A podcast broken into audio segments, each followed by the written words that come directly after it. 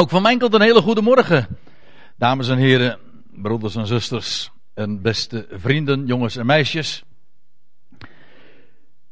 Ik wil vanmorgen u graag eens meenemen naar een Bijbelgedeelte dat we vinden in het Nieuwe Testament, in de Galatenbrief. En wel het vierde hoofdstuk daarvan, Galaten 4, vers 21 tot en met 31. En je zou zomaar de gedachte kunnen hebben dat ik het vanmorgen over Moederdag ga hebben en dat is slechts zeer ten dele het geval. Uh, ik zal u ook zeggen, dit Bijbelgedeelte was er al eerder dan Moederdag. Ook in mijn hoofd bedoel ik. Maar op een of andere manier treft het toeval, voor zover dat natuurlijk bestaat. Hè, maar er valt ons heel wat toe, dus ik heb er eigenlijk niet zoveel moeite met die term. Het, uh, het geval wil dat we inderdaad in dit gedeelte lezen over onze moeder. En wie die moeder is. Wel, dat zullen we vanzelf ook nog wel zien. Wat er staat in dat hoofdstuk. Voordat ik daar naartoe ga, wil ik eerst even wat vertellen over de gelaten brief in het algemeen. U moet zich realiseren dat Paulus zo stelt hij zich ook voor in deze brief, een geroepene is. Hij vertelt dat trouwens ook tamelijk uitgebreid. En hoe hij van Gods wegen is geroepen toen hij op weg was naar de weg naar Damascus. Om de gemeente te vervolgen, want er waren weinig mensen die zo fanatiek zich verzetten tegen het evangelie, tegen de boodschap van Jezus, de beloofde Messias. En zo stelt Paulus zich ook voor. Hij heette ooit Saulus.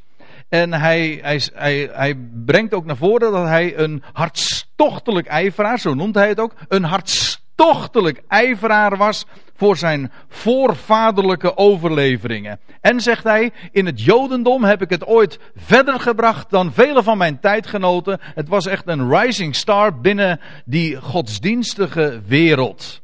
Een buitengewoon intellectuele man, academisch gevormd. Dus aan de voeten had hij gezeten van Gamaliel. Hij was doorkneed in de schriften en compleet verblind. Toch, dat kan. Dat is een hele eigenaardige zaak dat hij zozeer op de hoogte was van de Bijbel. In die dagen het oude, wat wij dan noemen het Oude Testament. Daar zo hartstochtelijk mee leefde en uitleefde. En toch, zegt hij zelf achteraf, totaal niet begreep waar het werkelijk om ging. En er was daar die, eh, die stem en dat licht voor nodig op de weg naar Damascus die hem de ogen zouden openen. Trouwens, daar kwam nog wel wat meer bij kijken, want hij werd vervolgens ook nog een paar jaar naar Arabië gestuurd, waar we trouwens zo direct ook nog even over zullen hebben. Een paar jaar naar Arabië gestuurd om weer helemaal opnieuw te leren omdenken en om de waarheid van de schrift en alles wat daarin verborgen ligt, om dat te gaan begrijpen. Kijk, wat Paulus vervolgens in zijn leven heeft gedaan, al gedurende vele, vele jaren en die hartstochtelijke man is het gebleven. Hij was het.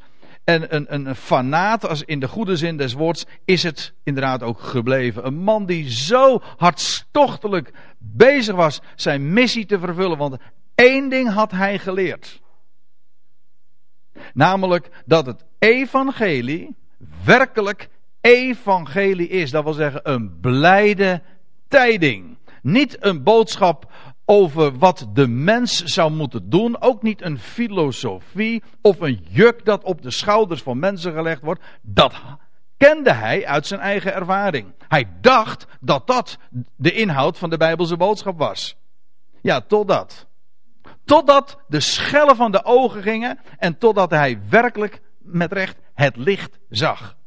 Zo'n groot licht dat hij er dagenlang nog blind is, van is geweest. Ja. Dat is wel, dat is wel tekenend. En wat Paulus vervolgens in zijn leven heeft gedaan, is overal die machtige boodschap vertellen van Christus Jezus. Inderdaad, zoals zojuist al is gezegd, de naam en de titel die juist Paulus ook gebruikt, omdat hij hem kende als de, de opgestane, de verheerlijkte Heer. Die hij had ontmoet, degene die het graf leeg achter zich had gelaten, de grote triomfator is, de victorie heeft bereikt en vrijheid geeft. Hij, hij is degene in wie het leven en de zegen is belichaamd. Nou, dat brengt Paulus allemaal naar voren. Wat Paulus in Galatië ook had verteld, was evangelie. Niet wat de mensen moesten doen, geen rituelen, totaal niet. Maar echte vrijheid. Een boodschap dat God deze wereld lief heeft en dat de genade van God, zoals hij dat elders zegt, de genade van God is verschenen aan alle mensen, heilbrengend. Hij is de redder van jou, van mij, van al die miljarden mensen, wie ze ook zijn, wat ze ook gedaan hebben. Hij is een redder. En een ieder die staat op dat getuigenis, op die naam, die gelooft in die naam, zal de zegen en alles wat daaruit voortvloeit ontvangen. Puur om niet. Nou, die gelaten, er waren er velen tot erkenning gekomen, tot dankbare erkenning van die boodschap. En een enorme, dat lezen we ook in dit hoofdstuk, in, nee niet in dit hoofdstuk van Galaten 4, maar in Galaten 3 lees je dat daar, uh, dat dat een enorme uitwerking had gehad daar in dat Galatische land, daar in het huidige Turkije. Dat daar een enorme vreugde, ja dat is wat eh, een blijde boodschap doet. Het had een enorme vreugde ontketend. En de levens compleet op een kop gezet. Niet omdat er iets moest, maar gewoon omdat die, dat de, de impact, de kracht is van de boodschap in zich. Het verandert het denken van binnenuit. Een mens wordt getransformeerd Puur door die blijde boodschap. Je leert een God kennen. Je leert zegen kennen. Je leert genade, dat wil zeggen blijdschap, vreugde kennen. Puur om niet. En dat allemaal in de naam van Hem die zijn leven inderdaad gaf. Als een losprijs voor de hele wereld. En die opstond uit de dood. En nu leven geeft. Nou, dat is wat Paulus vertelde. En die Galatische mensen, of ja, die gelaten, hoe zeg je dat? Die gelaten die kwamen, waren tot die erkenning gekomen, totdat er in die gemeenten, in die streek, eh, mensen kwamen vanuit Israël vermoedelijk, maar in elk geval Judaïsten, vanuit het Jodendom, die vertelden, ja, jullie geloven nou dat evangelie, dat is allemaal mooi, maar dat, daar moet je natuurlijk niet bij blijven.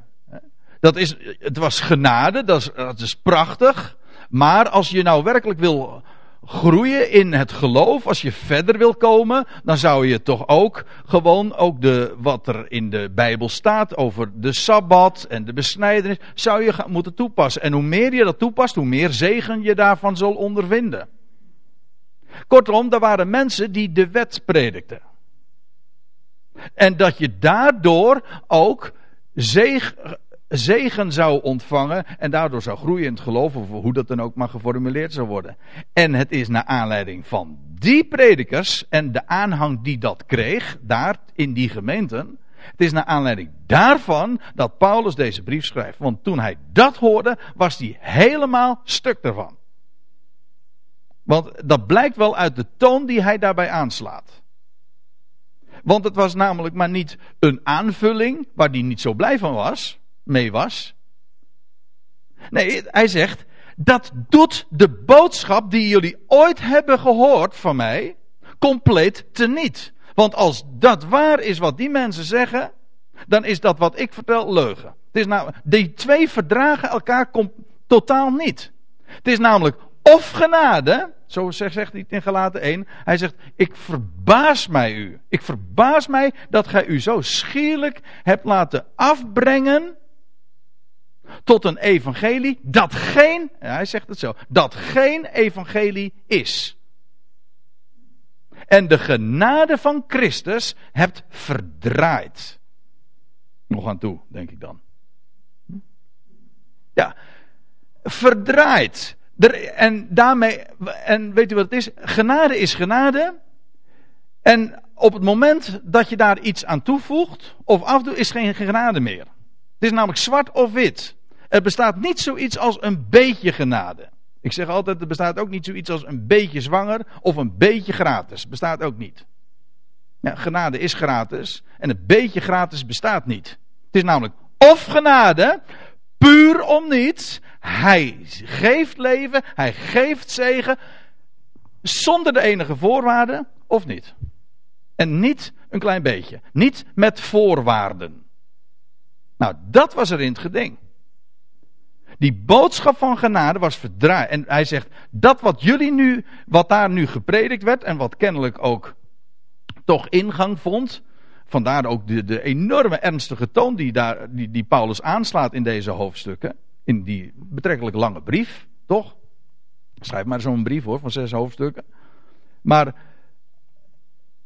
de toon die hij, daarbij aan, uh, die hij daarbij aanslaat, geeft aan hoe serieus het is. Paulus zegt ronduit, en hij wint er geen doekjes om. Het was niet zo dat hij ze naar de mond wilde praten of ze probeerde te vangen of helemaal niet. Hij vertelt gewoon ronduit hoe het zit. Hij zegt dat wat hier vertelt is domweg geen evangelie. Punt. Het is niet zo van dat je nou gered bent door genade en dat je, nou, en dat je vervolgens dan toch weer wat zou moeten gaan werken en, en, en moeten proberen. En hoe subtiel wordt dat vandaag ook nog steeds verkondigd? Het is namelijk nooit veranderd hoor. Dat wat er in de gelaten aan de hand was, daar in, dat gelaat, eh, in die streek, en dat wat er gepredikt werd, is vervolgens gemeen goed geworden. Ja, meer gemeen dan goed, denk ik dan. Gemeen goed geworden in de hele christenheid. Een boodschap van en wel genade, jawel, zegt men dan maar ook werken. Het is belofte, maar ook de eis. Kent u die uitdrukking? Dus uh, vrije standaard door in de reformatorische wereld. De, de prediking van eis en belofte, of van belofte en eis. Wet en evangelie. Nee, het is namelijk het een of het ander. En dat is wat Paulus in deze brief zo schitterend uiteenzet. Want hij hij vertelt wat hij ooit zelf had gebracht. Hij legt ook uit waarom die boodschap totaal ernaast zit. Nou, en wat hij in, deze brief dan uiteenzet, dan komt hij uiteindelijk in, in Galaten 4. Hij, laat ik nog eventjes dit zeggen. Hij vertelt trouwens ook nog in Galaten 3. Dat is een lange inleiding, dat geef ik toe. Maar ik moet, ik moet het vertellen, want ja, we, we stappen in in Galaten 4. Maar dat betekent dat je toch enigszins op de hoogte moet zijn van wat er in die voorgaande hoofdstukken verteld is. In Gelaten 3 had Paulus nog uitgelegd dat de wet een tijdelijke functie had. God had ooit zijn belofte gegeven aan Abraham, puur om niets, was een belofte van genade. En 430 jaar later is de wet gekomen. Maar er staat erbij, is er bijgekomen, doet de belofte niet te niet. En bovendien, die wet is gegeven als een tuchtmeester tot op Christus. Totdat hij, ja, Jezus is inderdaad hier geboren, hij leefde onder de wet. Maar toen hij opstond uit de dood, dat was de bevrijdingsdag. Toen werd hij de Christus. En die wet is een tuchtmeester geweest tot Christus. Vanaf Sinaï tot op de dag van de opstanding. En toen was de, de, de werking van de wet als tuchtmeester, als pedagoog, dat is het woord wat Paulus daar gebruikt, afgelopen. En was daarmee ook het oude verbond beëindigd. Het oude verbond was daarmee een punt achter gezet. Nou, die dingen vertelt Paulus en nou gaat hij, en nu, nu stap ik binnen in vers 21 en dan zegt Paulus, zegt mij, gij die onder de wet wilt staan, luistert gij niet naar de wet? En dat is heel eigenaardig. Dat is heel eigenaardig wat Paulus hier zegt. Kijk, wat Paulus nu in, in, in de komende versen, u zult het vanzelf zien, gaat doen, is wat wij dan noemen typologie uiteenzetten. Hij laat zien hoe geschiedenissen in het Oude Testament, in dit geval uit het boek Genesis, van Hagar en Sarah, van Ismaël en van Isaac, hoe die verhalen, hoe die geschiedenissen een, een metafoor zijn ja, het zijn geschiedenissen, maar ze zijn een uitbeelding van veel grotere waarheden en een uitbeelding zijn van, van wet en van genade. Nou ja, dat zal ik straks laten zien. Maar wat hij zegt, ja, die mensen, hè, jullie, hè, die onder de wet willen staan, De besnijdenis werd, eh, werd daar gepredikt. En u zegt van ja, maar dat was toen. Maar ik zal u vertellen, in de christenheid wordt de besnijdenis nog steeds gepredikt hoor. Ja.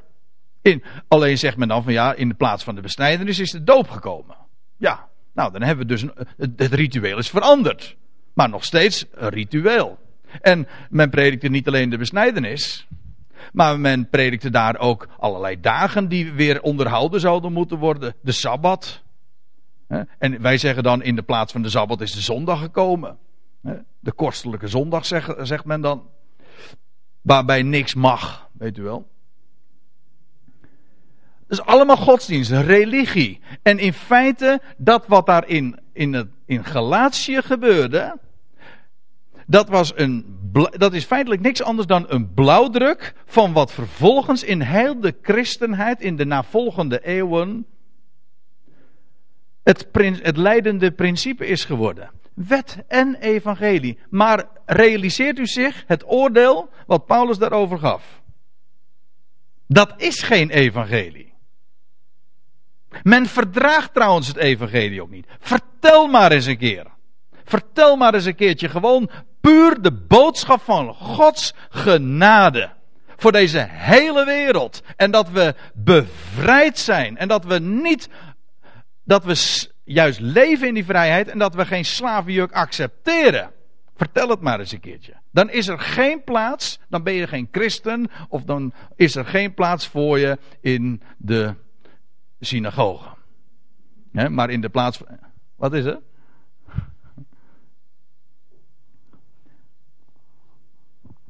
Dat is toch zo?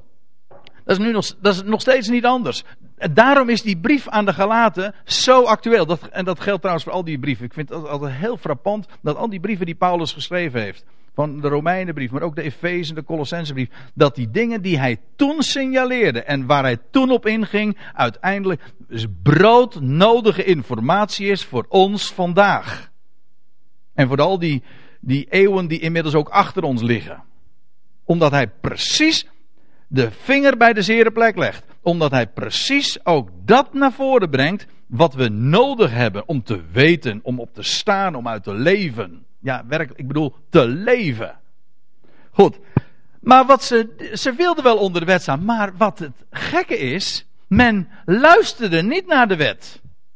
Van typologie, van typen, had men geen kaas gegeten. Dat is, nu nog, dat is ook nu nog steeds zo. Mensen die onder de wet leven, luisteren niet echt naar de wet. En ze hebben geen idee van de betekenissen van een sabbat. En van wat besnijdenis eigenlijk uitbeeldt. En wat, wat al die, die, die hoogtijden betekenen. En de offerdienst waar het van spreekt. Al die verhalen van Jozef en van Isaac. En nou, noem maar op. Al die dingen, al die details. In de Torah. Want daar heeft Paulus het over. Daar heeft men geen idee van. Ze, ze denken te luisteren naar de wet, maar ze verstaan de wet niet. Paulus, Paulus zelf heeft er dus, zoals al eerder gezegd, een heel aantal jaren voor moeten doen om dat te leren gaan, te leren verstaan. Hij dacht dat hij naar de wet leefde, maar in werkelijkheid, hij verstond de wet voor geen meter. Ja. Zegt mij, gij die onder de wet wilt staan, luistert gij niet naar de wet? En eh, oh ja, dan heb je ook nog het verwijt dat mensen zeggen van over typologie. Ja, oké, in de Bijbel staat ook typologie, maar daar mag je niet te ver ingaan. Uh, we mogen alleen maar die typen accepteren en, uh, en daarin in meegaan die de Bijbel zelf aandraagt. Maar het gekke is, zoals Paulus het formuleert, hij neemt het feitelijk die gelaten kwalijk dat ze dit zelf al niet hadden ontdekt. Hij zegt, luistert gij niet naar de wet? Zouden deze dingen zelf al moeten inzien? Als ze werkelijk het evangelie kenden en met, met die verlichte ogen de schriften hadden gelezen, hadden ze dat zelf al ontdekt. Kijk, zo werkt dat. Goed, zeg, zeg mij, gij die onder de wet wilt staan, luistert gij niet naar de wet? Ja, zij die onder de wet willen staan, heb ik erbij gezet, die zijn blind voor typologie. Let maar eens op. Goed. Er staat immers geschreven, nou gaat Paulus zijn punt maken. Er staat immers geschreven dat Abraham twee zonen had. Eén bij de slavin, één bij de vrije. Dit staat allemaal in de wet, in de Torah, de eerste boeken van Mozes. Ja, kijk, weet u waarom Paulus dit naar voren brengt? Deze mensen, die predikers in Galatië, die beroemden zich erop dat ze kinderen van Abraham waren. En dat ze, omdat ze kinderen van Abraham waren, dus ook besneden zouden worden. En dus ook als uh, echte uh, nageslacht van Abraham, dat ze dus ook moesten leven zoals Israël leefde en dus onder de wet en uh, de, de, de Torah moesten onderhouden die God ooit gegeven had. Dat dacht men. Maar Paulus zegt, hebben jullie in, in de gaten, Abraham had twee zonen. Je kan wel zeggen van, ja we zijn kinderen van Abraham, maar Abraham had twee zonen. Hij zegt, één bij de slavin en één bij de vrije. Dat wil zeggen, die geen slavin was. Hè? Sarah. En dan zegt hij in vers 23, maar die van de slavin was naar het vlees verwekt. Dat kun je zo allemaal nalezen hoor in Genesis. In Genesis 16, daar lees je in vers 1. Sarai nu, de vrouw van Abram, schonk hem geen kinderen. En zij had een Egyptische slavin, wier naam was Hagar. Ja, nou, u kent de geschiedenis. Sarah zelf was onvruchtbaar. En inmiddels was bovendien nog op zeer hoge leeftijd gekomen. Dus een dubbele reden waarom zij absoluut geen kinderen meer zou krijgen. Hm? Dus, maar de belofte was er. Abraham was 75 toen hij de belofte van God kreeg dat, dat, dat, uh, dat, dat zijn nageslacht zou zijn als, als de sterren des hemels. En als het zand der zee. Ja, maar nu, jaren later, Sarah was, schonk hem geen kinderen. Zat, eh, maar goed, kijk, en dan zie je, dat is typisch de mens.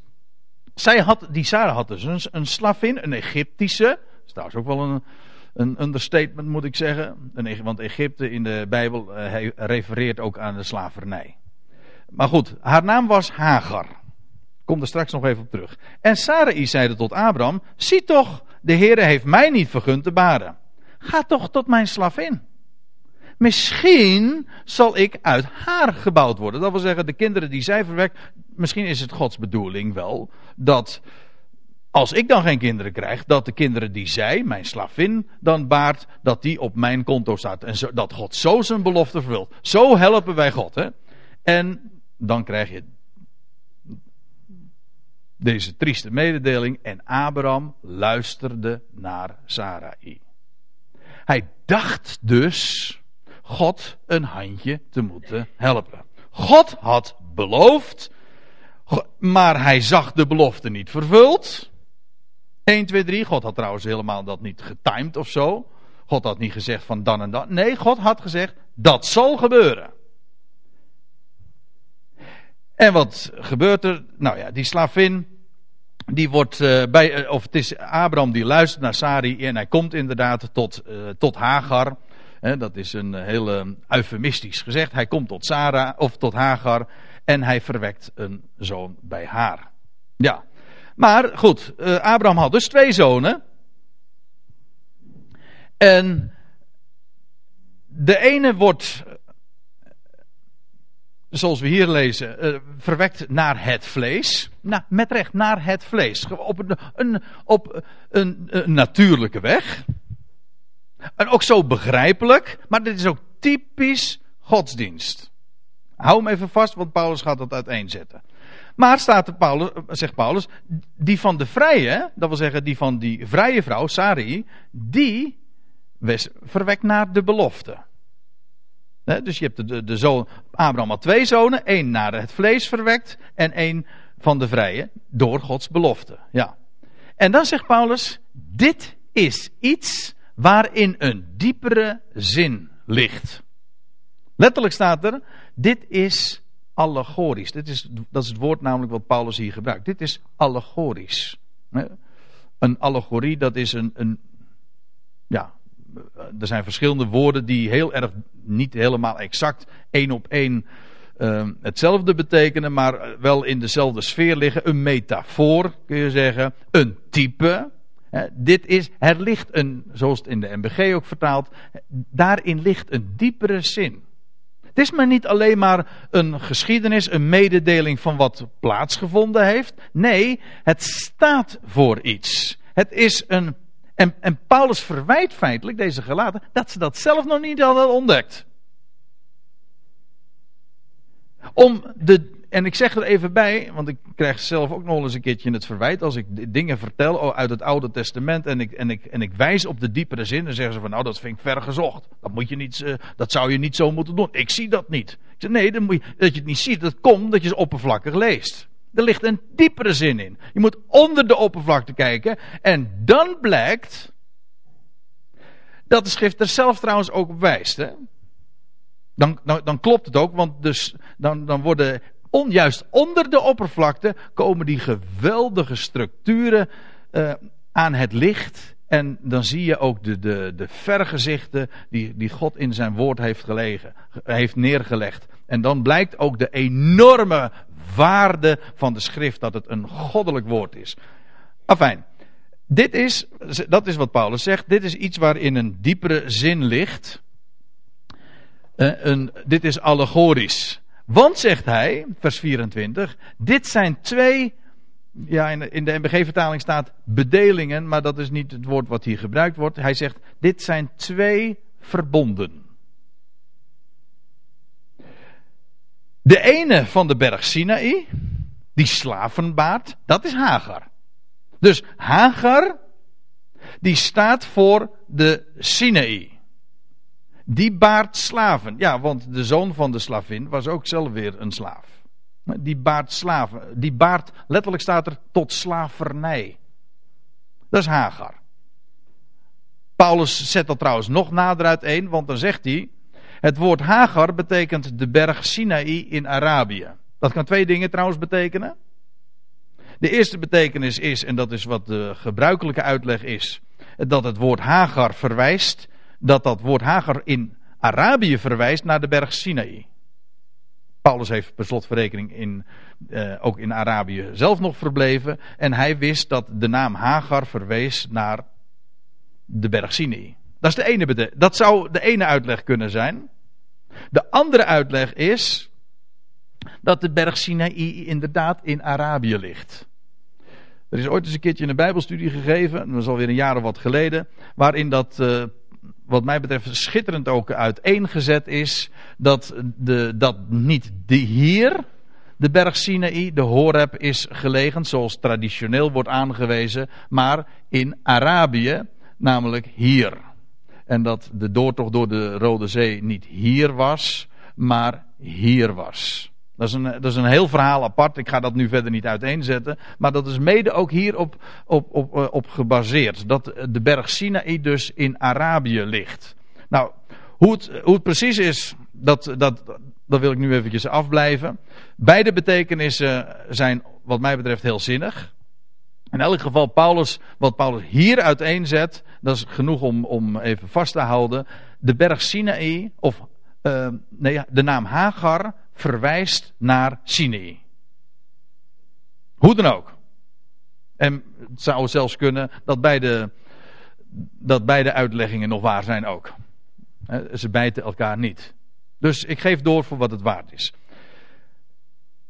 En dan vers 25, Paulus zegt, het staat op één lijn met het tegenwoordige Jeruzalem, want dat is met zijn kinderen in slavernij. Wat Paulus hier doet, is, hij zegt van, kijk, Hagar en haar zoon Ismaël, die, Hagar die tot slavernij baart, zij staat voor de berg Sinaï. Voor de wet, voor het oude verbond. De, per slotverrekening bij de berg Sinaï werd het verbond gesloten van, uh, van de wet. Het oude verbond. Nou, zegt Paulus, dat oude verbond dat wordt gerepresenteerd in het Jodendom. Hij zegt, door het, hij zegt het staat op één lijn met het tegenwoordige Jeruzalem. Met het Jodendom. Hij zegt, waarvan Paulus ronduit zegt dat met zijn kinderen in slavernij is. Dat wil zeggen, alles wat het voortbrengt en wat het onderwijst, dat is slavernij. Slavernij onder een juk van de wet. Petrus zei ooit van dat juk, hij zei dat nog onze ouders, nog wij hebben kunnen dragen. Het, is het, is, het zijn lasten die op de mens gelegd worden, die de mensen niet kunnen dragen, die de mens ook niet blij maakt. Het is een juk waar een mens Een juk waar je onder gebukt gaat. Dat is trouwens godsdienst in het algemeen, want dat vertelt niet wat God geeft, maar wat God eist. Terwijl evangelie nu juist de boodschap is, God geeft, hij geeft om niet, gratis ja, en hij geeft uitzicht en het, en het is genade en genade betekent dat het blij maakt. Het is een goede tijding. Dat, daarom is, vind ik het heerlijk om dat te vertellen. Dus, dus, er kunnen soms tijden zijn. Ik had het vanmorgen nog dat ik zei van nou, uh, dat, je, dat je er tegenop ziet om te gaan spreken. Hm, ik, over het algemeen zeg, zeg, ik zulke dingen niet, maar soms gebeurt dat. Dat kan door omstandigheden dat je er tegenop ziet om te spreken. Maar het gekke is, zo vergaat het mij, op het moment dat je erover gaat spreken en aan het licht brengt wat genade is, dan ineens denk je van, hoe is het mogelijk dat ik daar tegenop zag? Want wat een geweldige zaak om te vertellen. Niet wat je moet doen. Ook niet een of andere mooie filosofie, maar een bericht van wat er gebeurd is 2000 jaar geleden. Dat die steen werd weggewenteld. Dat de bevrijding een feit is. En dat het leven gaat triomferen. En of je het nou gelooft of niet, mensen. Of je het nou gelooft of niet, maar het is de waarheid. En als je het gelooft. Niet, ik bedoel niet als je het ooit geloofd hebt, daar gaat het niet om. Nee, als je het gelooft, dat wil zeggen als je er nu vandaag op staat, op vertrouwt, dan zul je de zegen en het, en het leven en de vrijheid en de blijdschap daarvan ondervinden. Dat is evangelie. En dat is altijd machtig, want dat vertelt zichzelf. Dat is goed bericht, hè? Eh, dat vertelt zichzelf. Dat, dat moet je niet vertellen. Als je, als je denkt dat je het moet vertellen, dan is er al geen goed bericht meer. Nou. Het gaat nu eventjes terugkomend op vers 25. Eh, Jeruzalem, daarvan zegt Paulus dat Jodendom, dat is, dat is, dat is eigenlijk een uitbeelding van, nee, ik moet het omkeren. Hagar is een uitbeelding van het tegenwoordige Jeruzalem, van het Jodendom, dat met zijn kinderen in slavernij is. En Paulus wist waar hij het over had, want hij kwam zelf uit het Jodendom en hij was er zelf in doorkneed en ooit hij was uh, een van de meest prominente vertegenwoordigers van het Jodendom. Ziet u? En hij zegt het is met zijn kinderen in slavernij. Het is trouwens heel opmerkelijk. Ik wil een, op een viertal dingen wijzen. De, de overeenkomst tussen Ismaël en de wet. Want dat is wat Paulus hier zegt. Hè?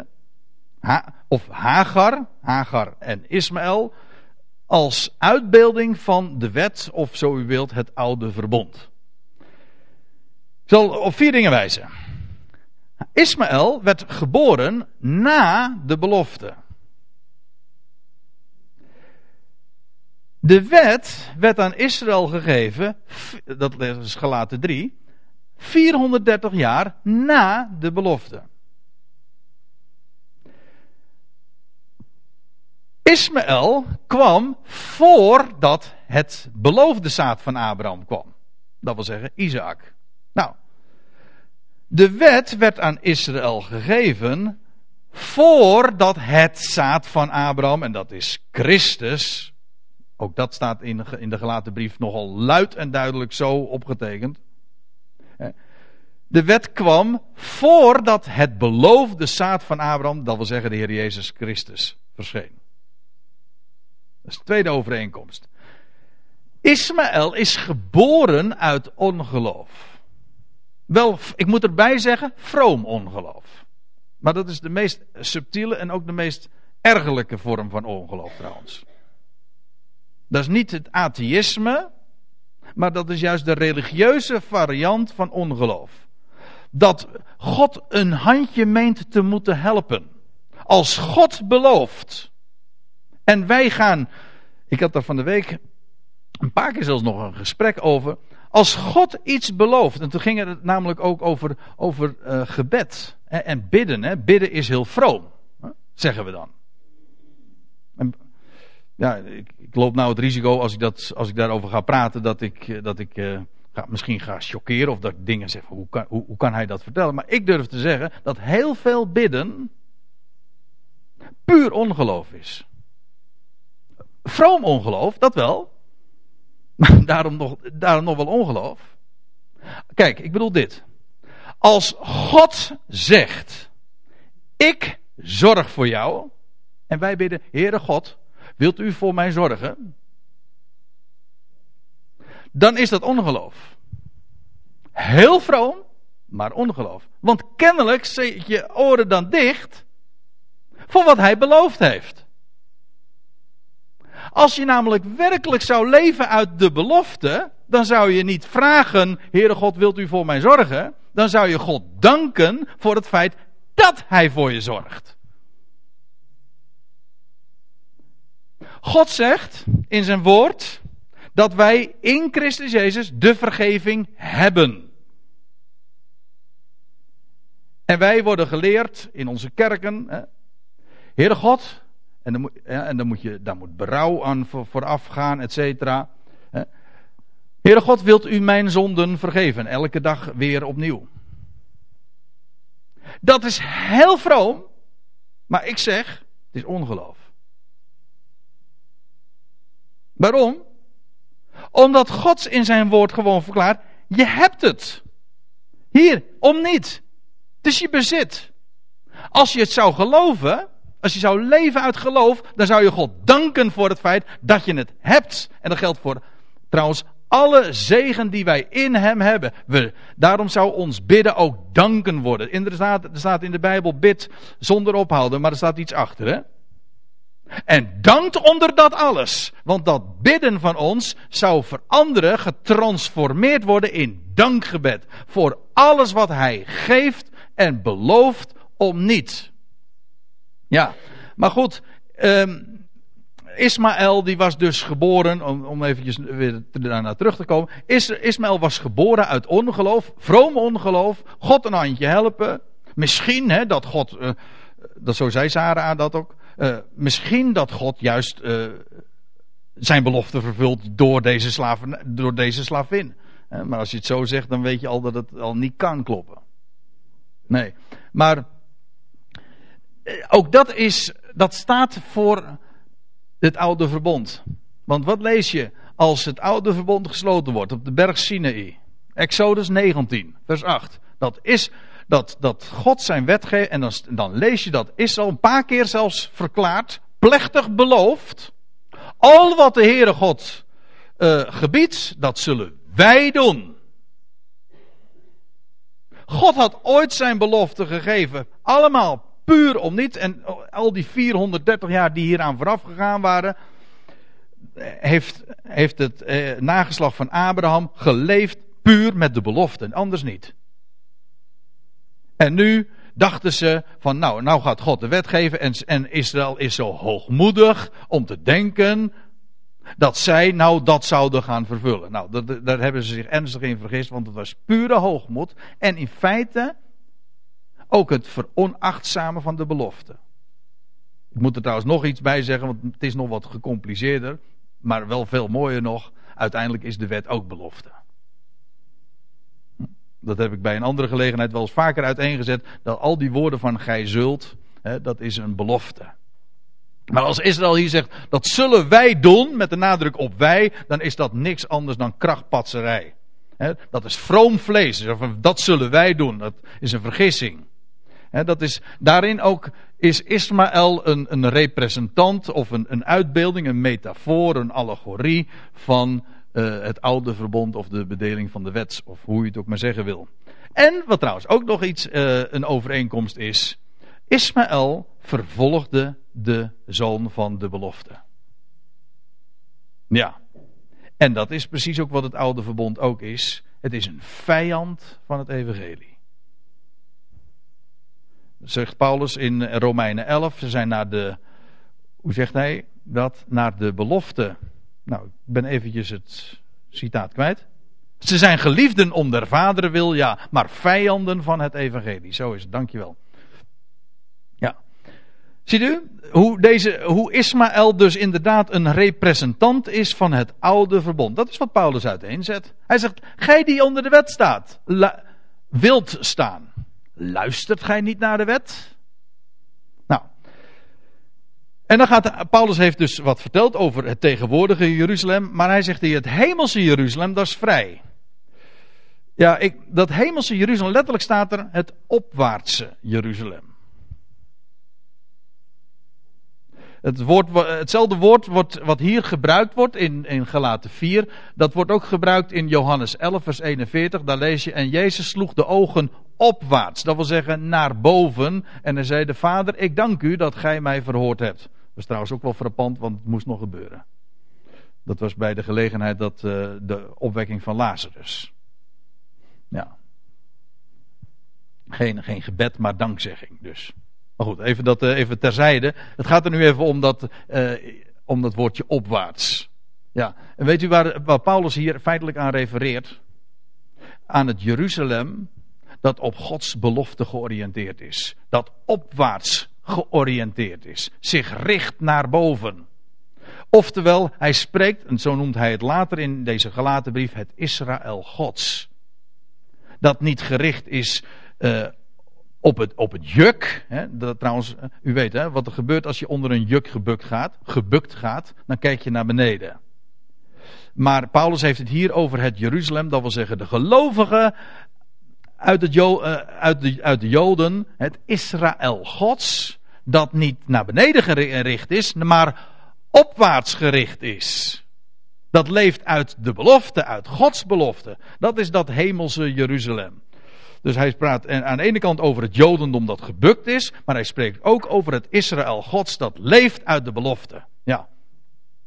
Maar zegt hij, om nog eventjes daarop terug te komen, hij, hij spreekt in Galaten 6, en alle die zich naar die regel zullen richten, en dan heeft hij het over, over de regel van de nieuwe schepping, die God tot stand heeft gebracht in de opstanding van Jezus Christus en alles wat daaruit zal voortvloeien. Wel, u weet het, het leven wat, wat Jezus Christus aan het licht bracht, dat zal uiteindelijk de hele schepping vervullen en de dood compleet teniet doen. Wel, Paulus zegt, en alle die zich naar die regel zullen richten, vrede en barmhartigheid komen over hen. En zegt hij, en ook over het Israël Gods. Dat wil zeggen, over hen uit Israël, die deze boodschap, die, die regel van de nieuwe schepping kennen. Wel, dat is dat, dat opwaartse Jeruzalem. Dat Jeruzalem dat, dat niet gebukt gaat, maar dat gericht is op Gods belofte. Ja, dat is vrij. En zegt hij, dat is onze moeder. En nou komen we dan toch nog eventjes bij die titel en bij moederdag terecht. Wat, wie is nou onze moeder? Hm? Ja, dat is niet echt een heel geschikte vraag, begrijp ik, met moederdag. Hè? Dat je eerst nog eens de vraag moet stellen van wie is eigenlijk mijn moeder? Maar wie is nou je moeder? Nou, zegt Paulus tegen deze Galaten. Ik blijf het een mooi woord voor. Iedere keer als ik het zeg, eh, als je eenmaal eh, dat gehoord hebt, dan, blijf, dan blijft dat iedere keer weer, weer klinken. Dat ga laten. Ga laten. Eh, die predikers daar in, in, in, die daarin gelaten waren gekomen, die zeiden: Ga doen! Ga dit doen, ga dat doen. En Paulus die vertelt ze: Ga alsjeblieft laten. Neem dat, leg dat juk af. Ja, ik geef toe, dat grapje is alleen maar in het Nederlands te maken. En het is niet op de Bijbel gebaseerd, maar als, het eenmaal, als je hem eenmaal door hebt, dan uh, vind ik het wel een mooie bevestiging. Ga laten. Ja, dat is precies de boodschap van bevrijding. De, de ketenen worden afgeworpen. Ga laten, alsjeblieft. Ja, nou, Gods belofte en die boodschap van Gods, uh, van Gods belofte, wel daaruit zijn wij voortgekomen. Hè?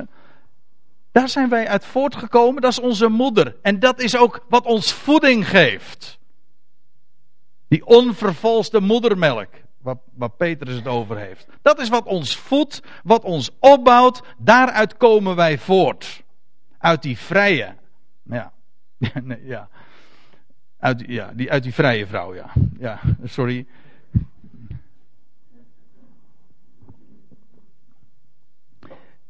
Die gericht is, of die uh, puur om niet de belofte van Gods wegen had gekregen. Ja.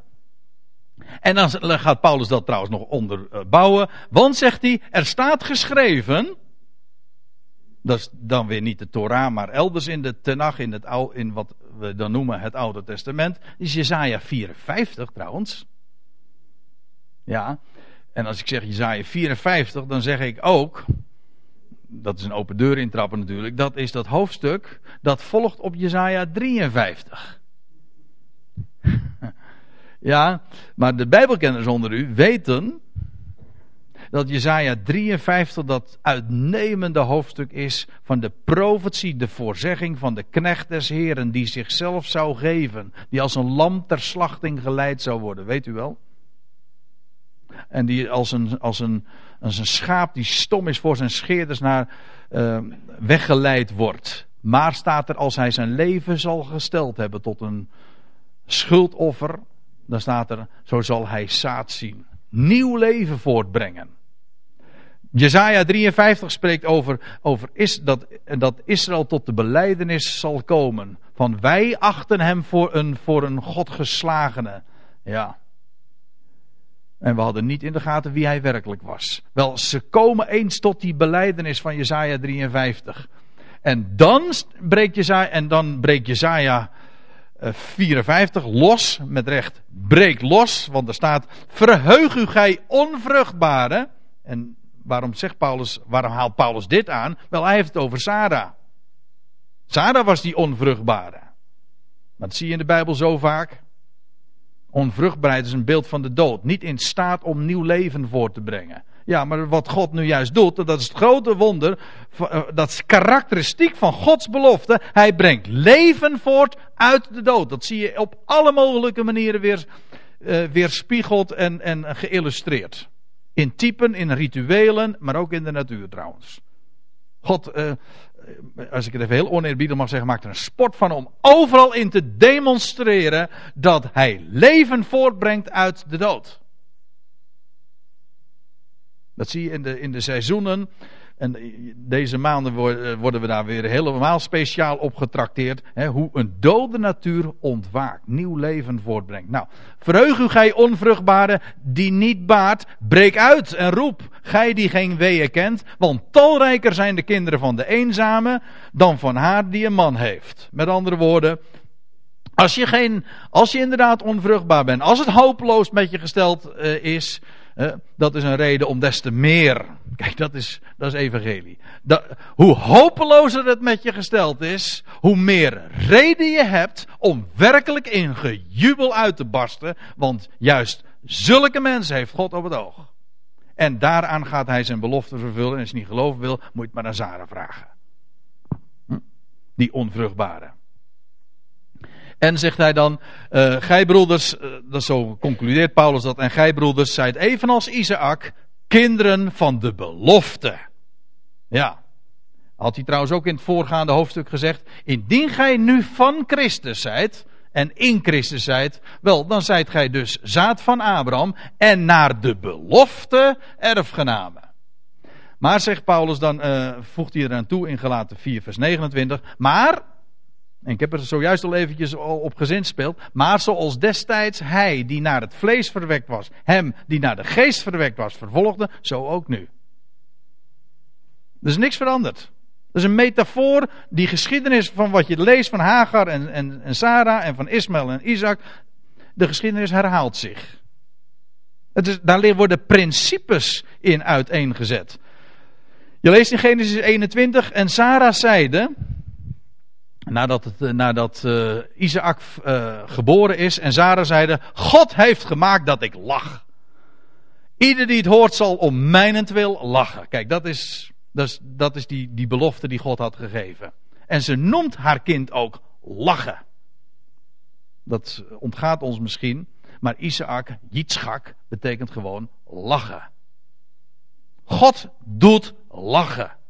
En die, eh, hoop, die hopeloos onvruchtbare vrouw, die bovendien al zwaar verouderd was, een verstorven lichaam had. Ja, God had nieuw leven in haar verwekt. Een reden gegeven voor lachen. Puur, pure vreugde. Ja, maar dan lees je Genesis 21 even verder. Uh, ja, vers 6 dus, uh, dat, dat Sarah dat dan verklaart. Ieder die het hoort, die zal om mijnentwil lachen. Ja, en zij zeiden, wie had aan Abraham durven toezeggen? Sarah zocht kinderen. Dus de verbazing in de, in de, in de woorden, in de mond van, van Sarah. Wie had dat ooit aan Abraham durven toezeggen? Sarah zoogt kinderen. Want ik heb een zoon gebaard, notabene in mijn ouderdom. Oh, nou ja, in mijn ouderdom, maar ook in zijn ouderdom. Hij was nog tien jaar ouder trouwens. En het kind groeide op, staat er, en het werd gespeend. Ja, dat, dat is een wat misleidend uh, woord, dat wil zeggen in onze oren. Want gespeend betekent niet dat het gezoogd wordt, maar dat het gezoogd is. Dus na de zoog, als de eh, zoogperiode voorbij is, en dat is laat hoor, in, in die dagen. Want inmiddels was Isaac vijf jaar oud. Zo weten we uit schrift met schrift vergelijken. Isaac was inmiddels vijf jaar oud en is dan gespeend. Dat wil zeggen, wordt afgetrokken, zo heet dat elders, van de moederborst. Ja. Dan zeg, je zou zeggen, dan heb je ook wel de leeftijd. Ja, Petra, jij dacht dat je lang doorging. Maar vijf jaar, dat is nog eens wat anders. Maar Isaac was, werd gespeend toen hij vijf jaar was. Ja, en dan lees je, en eh, Abraham richtte een grote maaltijd aan op de dag dat Isaac gespeend werd. Ja, als je een jongen hebt die, die uh, wiens naam en, en wiens hele wezen eigenlijk een uiteenzetting van, van, of een embleem was van vreugde en van lachen, ja, dan, uh, dan, zoek je, dan grijp je natuurlijk elke, elke gelegenheid aan om een feestje te vieren. Hm? Voor de blijmoedige, hoe was die ook alweer? Voor de, is het, voor de blijmoedige is het elke dag feest. Spreuken 15 vers 15, nooit vergeten. Ja. En dan lees je nog verder. En, oh ja, want het ging er eventjes om. Uh, om even de bonnetjes erbij te leveren. Dat inderdaad het waar is wat Paulus hier zegt. Dat zij die. Um, de, de slavin, die, die of degene die in slavernij verwekt was. Die vervolgde de vrije. Ja. En dan lees je inderdaad in Genesis 21. Toen zag Sarah dat de zoon van Hagar, de Egyptische, ja, hè, ik, slavernij, die zij Abraham gebaard had, spotten. Dus die Ismaël spotten met Isaac. Ja, en dan lees je uh, dat dat escaleert. Dat verdraagt elkaar niet, want dat is wat Paulus vervolgens concludeert.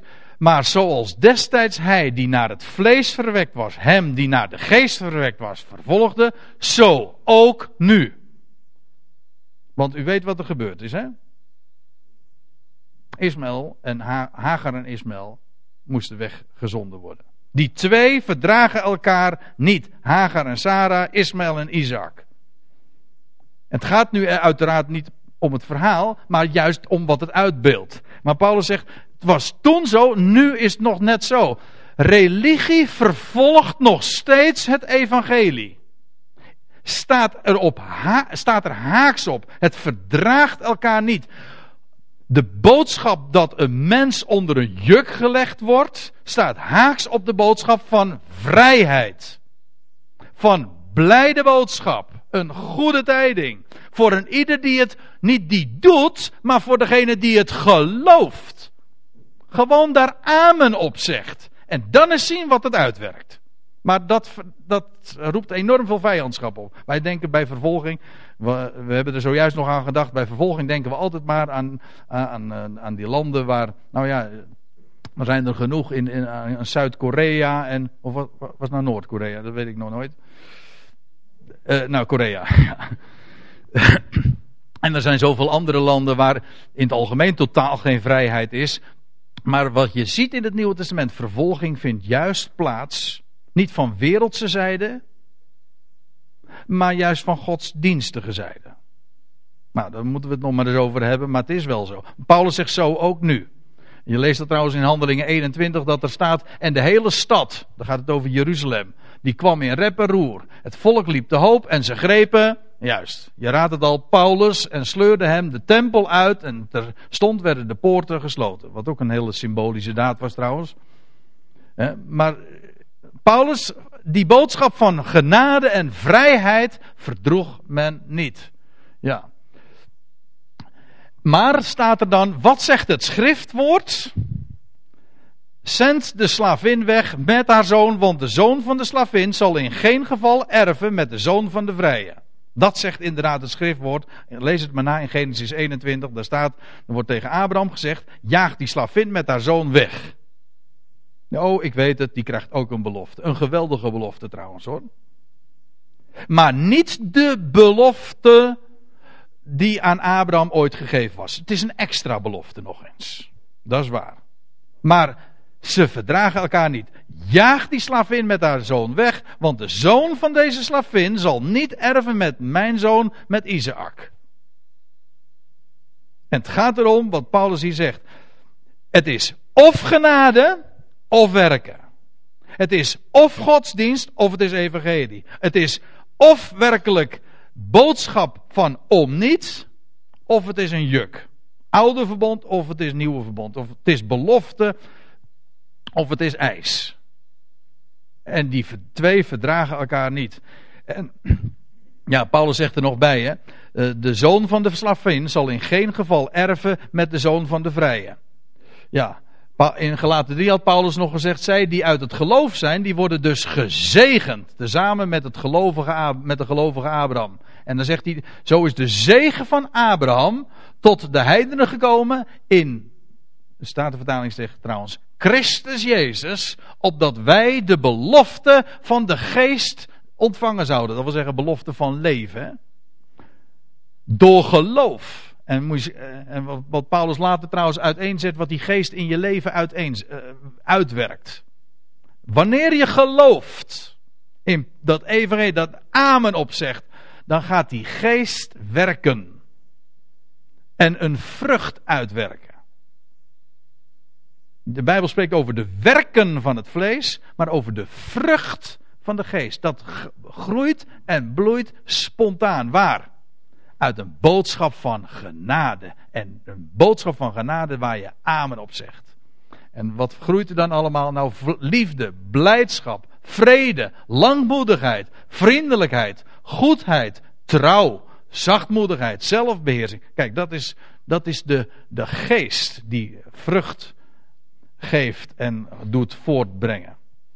Ja, daarom zegt Paulus in vers 31, en dat is het slot van, van dit hoofdstuk. Daarom, broeders, wij zijn geen kinderen van een slavin, maar van de vrije. Wie is onze moeder? Wel, dat is Sarah.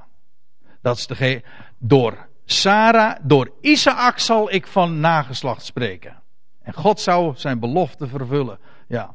En wij leven ook puur uit die belofte. Niet onder een wet, niet onder in de slavernij. En dan zegt Paulus in, en dat is het laatste, in het volgende hoofdstuk begint hij dan. En opdat we waarlijk vrij zouden zijn, heeft Christus ons vrijgemaakt. Houd dus stand. Dat wil zeggen, blijf daarin en op staan. Laat je niet weder een slavenjuk opleggen, want het is of het een. Of je leeft uit de belofte, en als je dat niet doet, dan leef je in slavernij, want dan moet je het allemaal zelf doen. Moet je zelf proberen en tobben enzovoorts. Nou, dat is uh, niet waar uh, wat God voor ons heeft weggelegd. Wij mogen leven in, die, in vrijheid en blijheid. En wij lachen daarom. En we blijven lachen. Vanwege die belofte van God. Ik stel voor dat we een lied gaan zingen.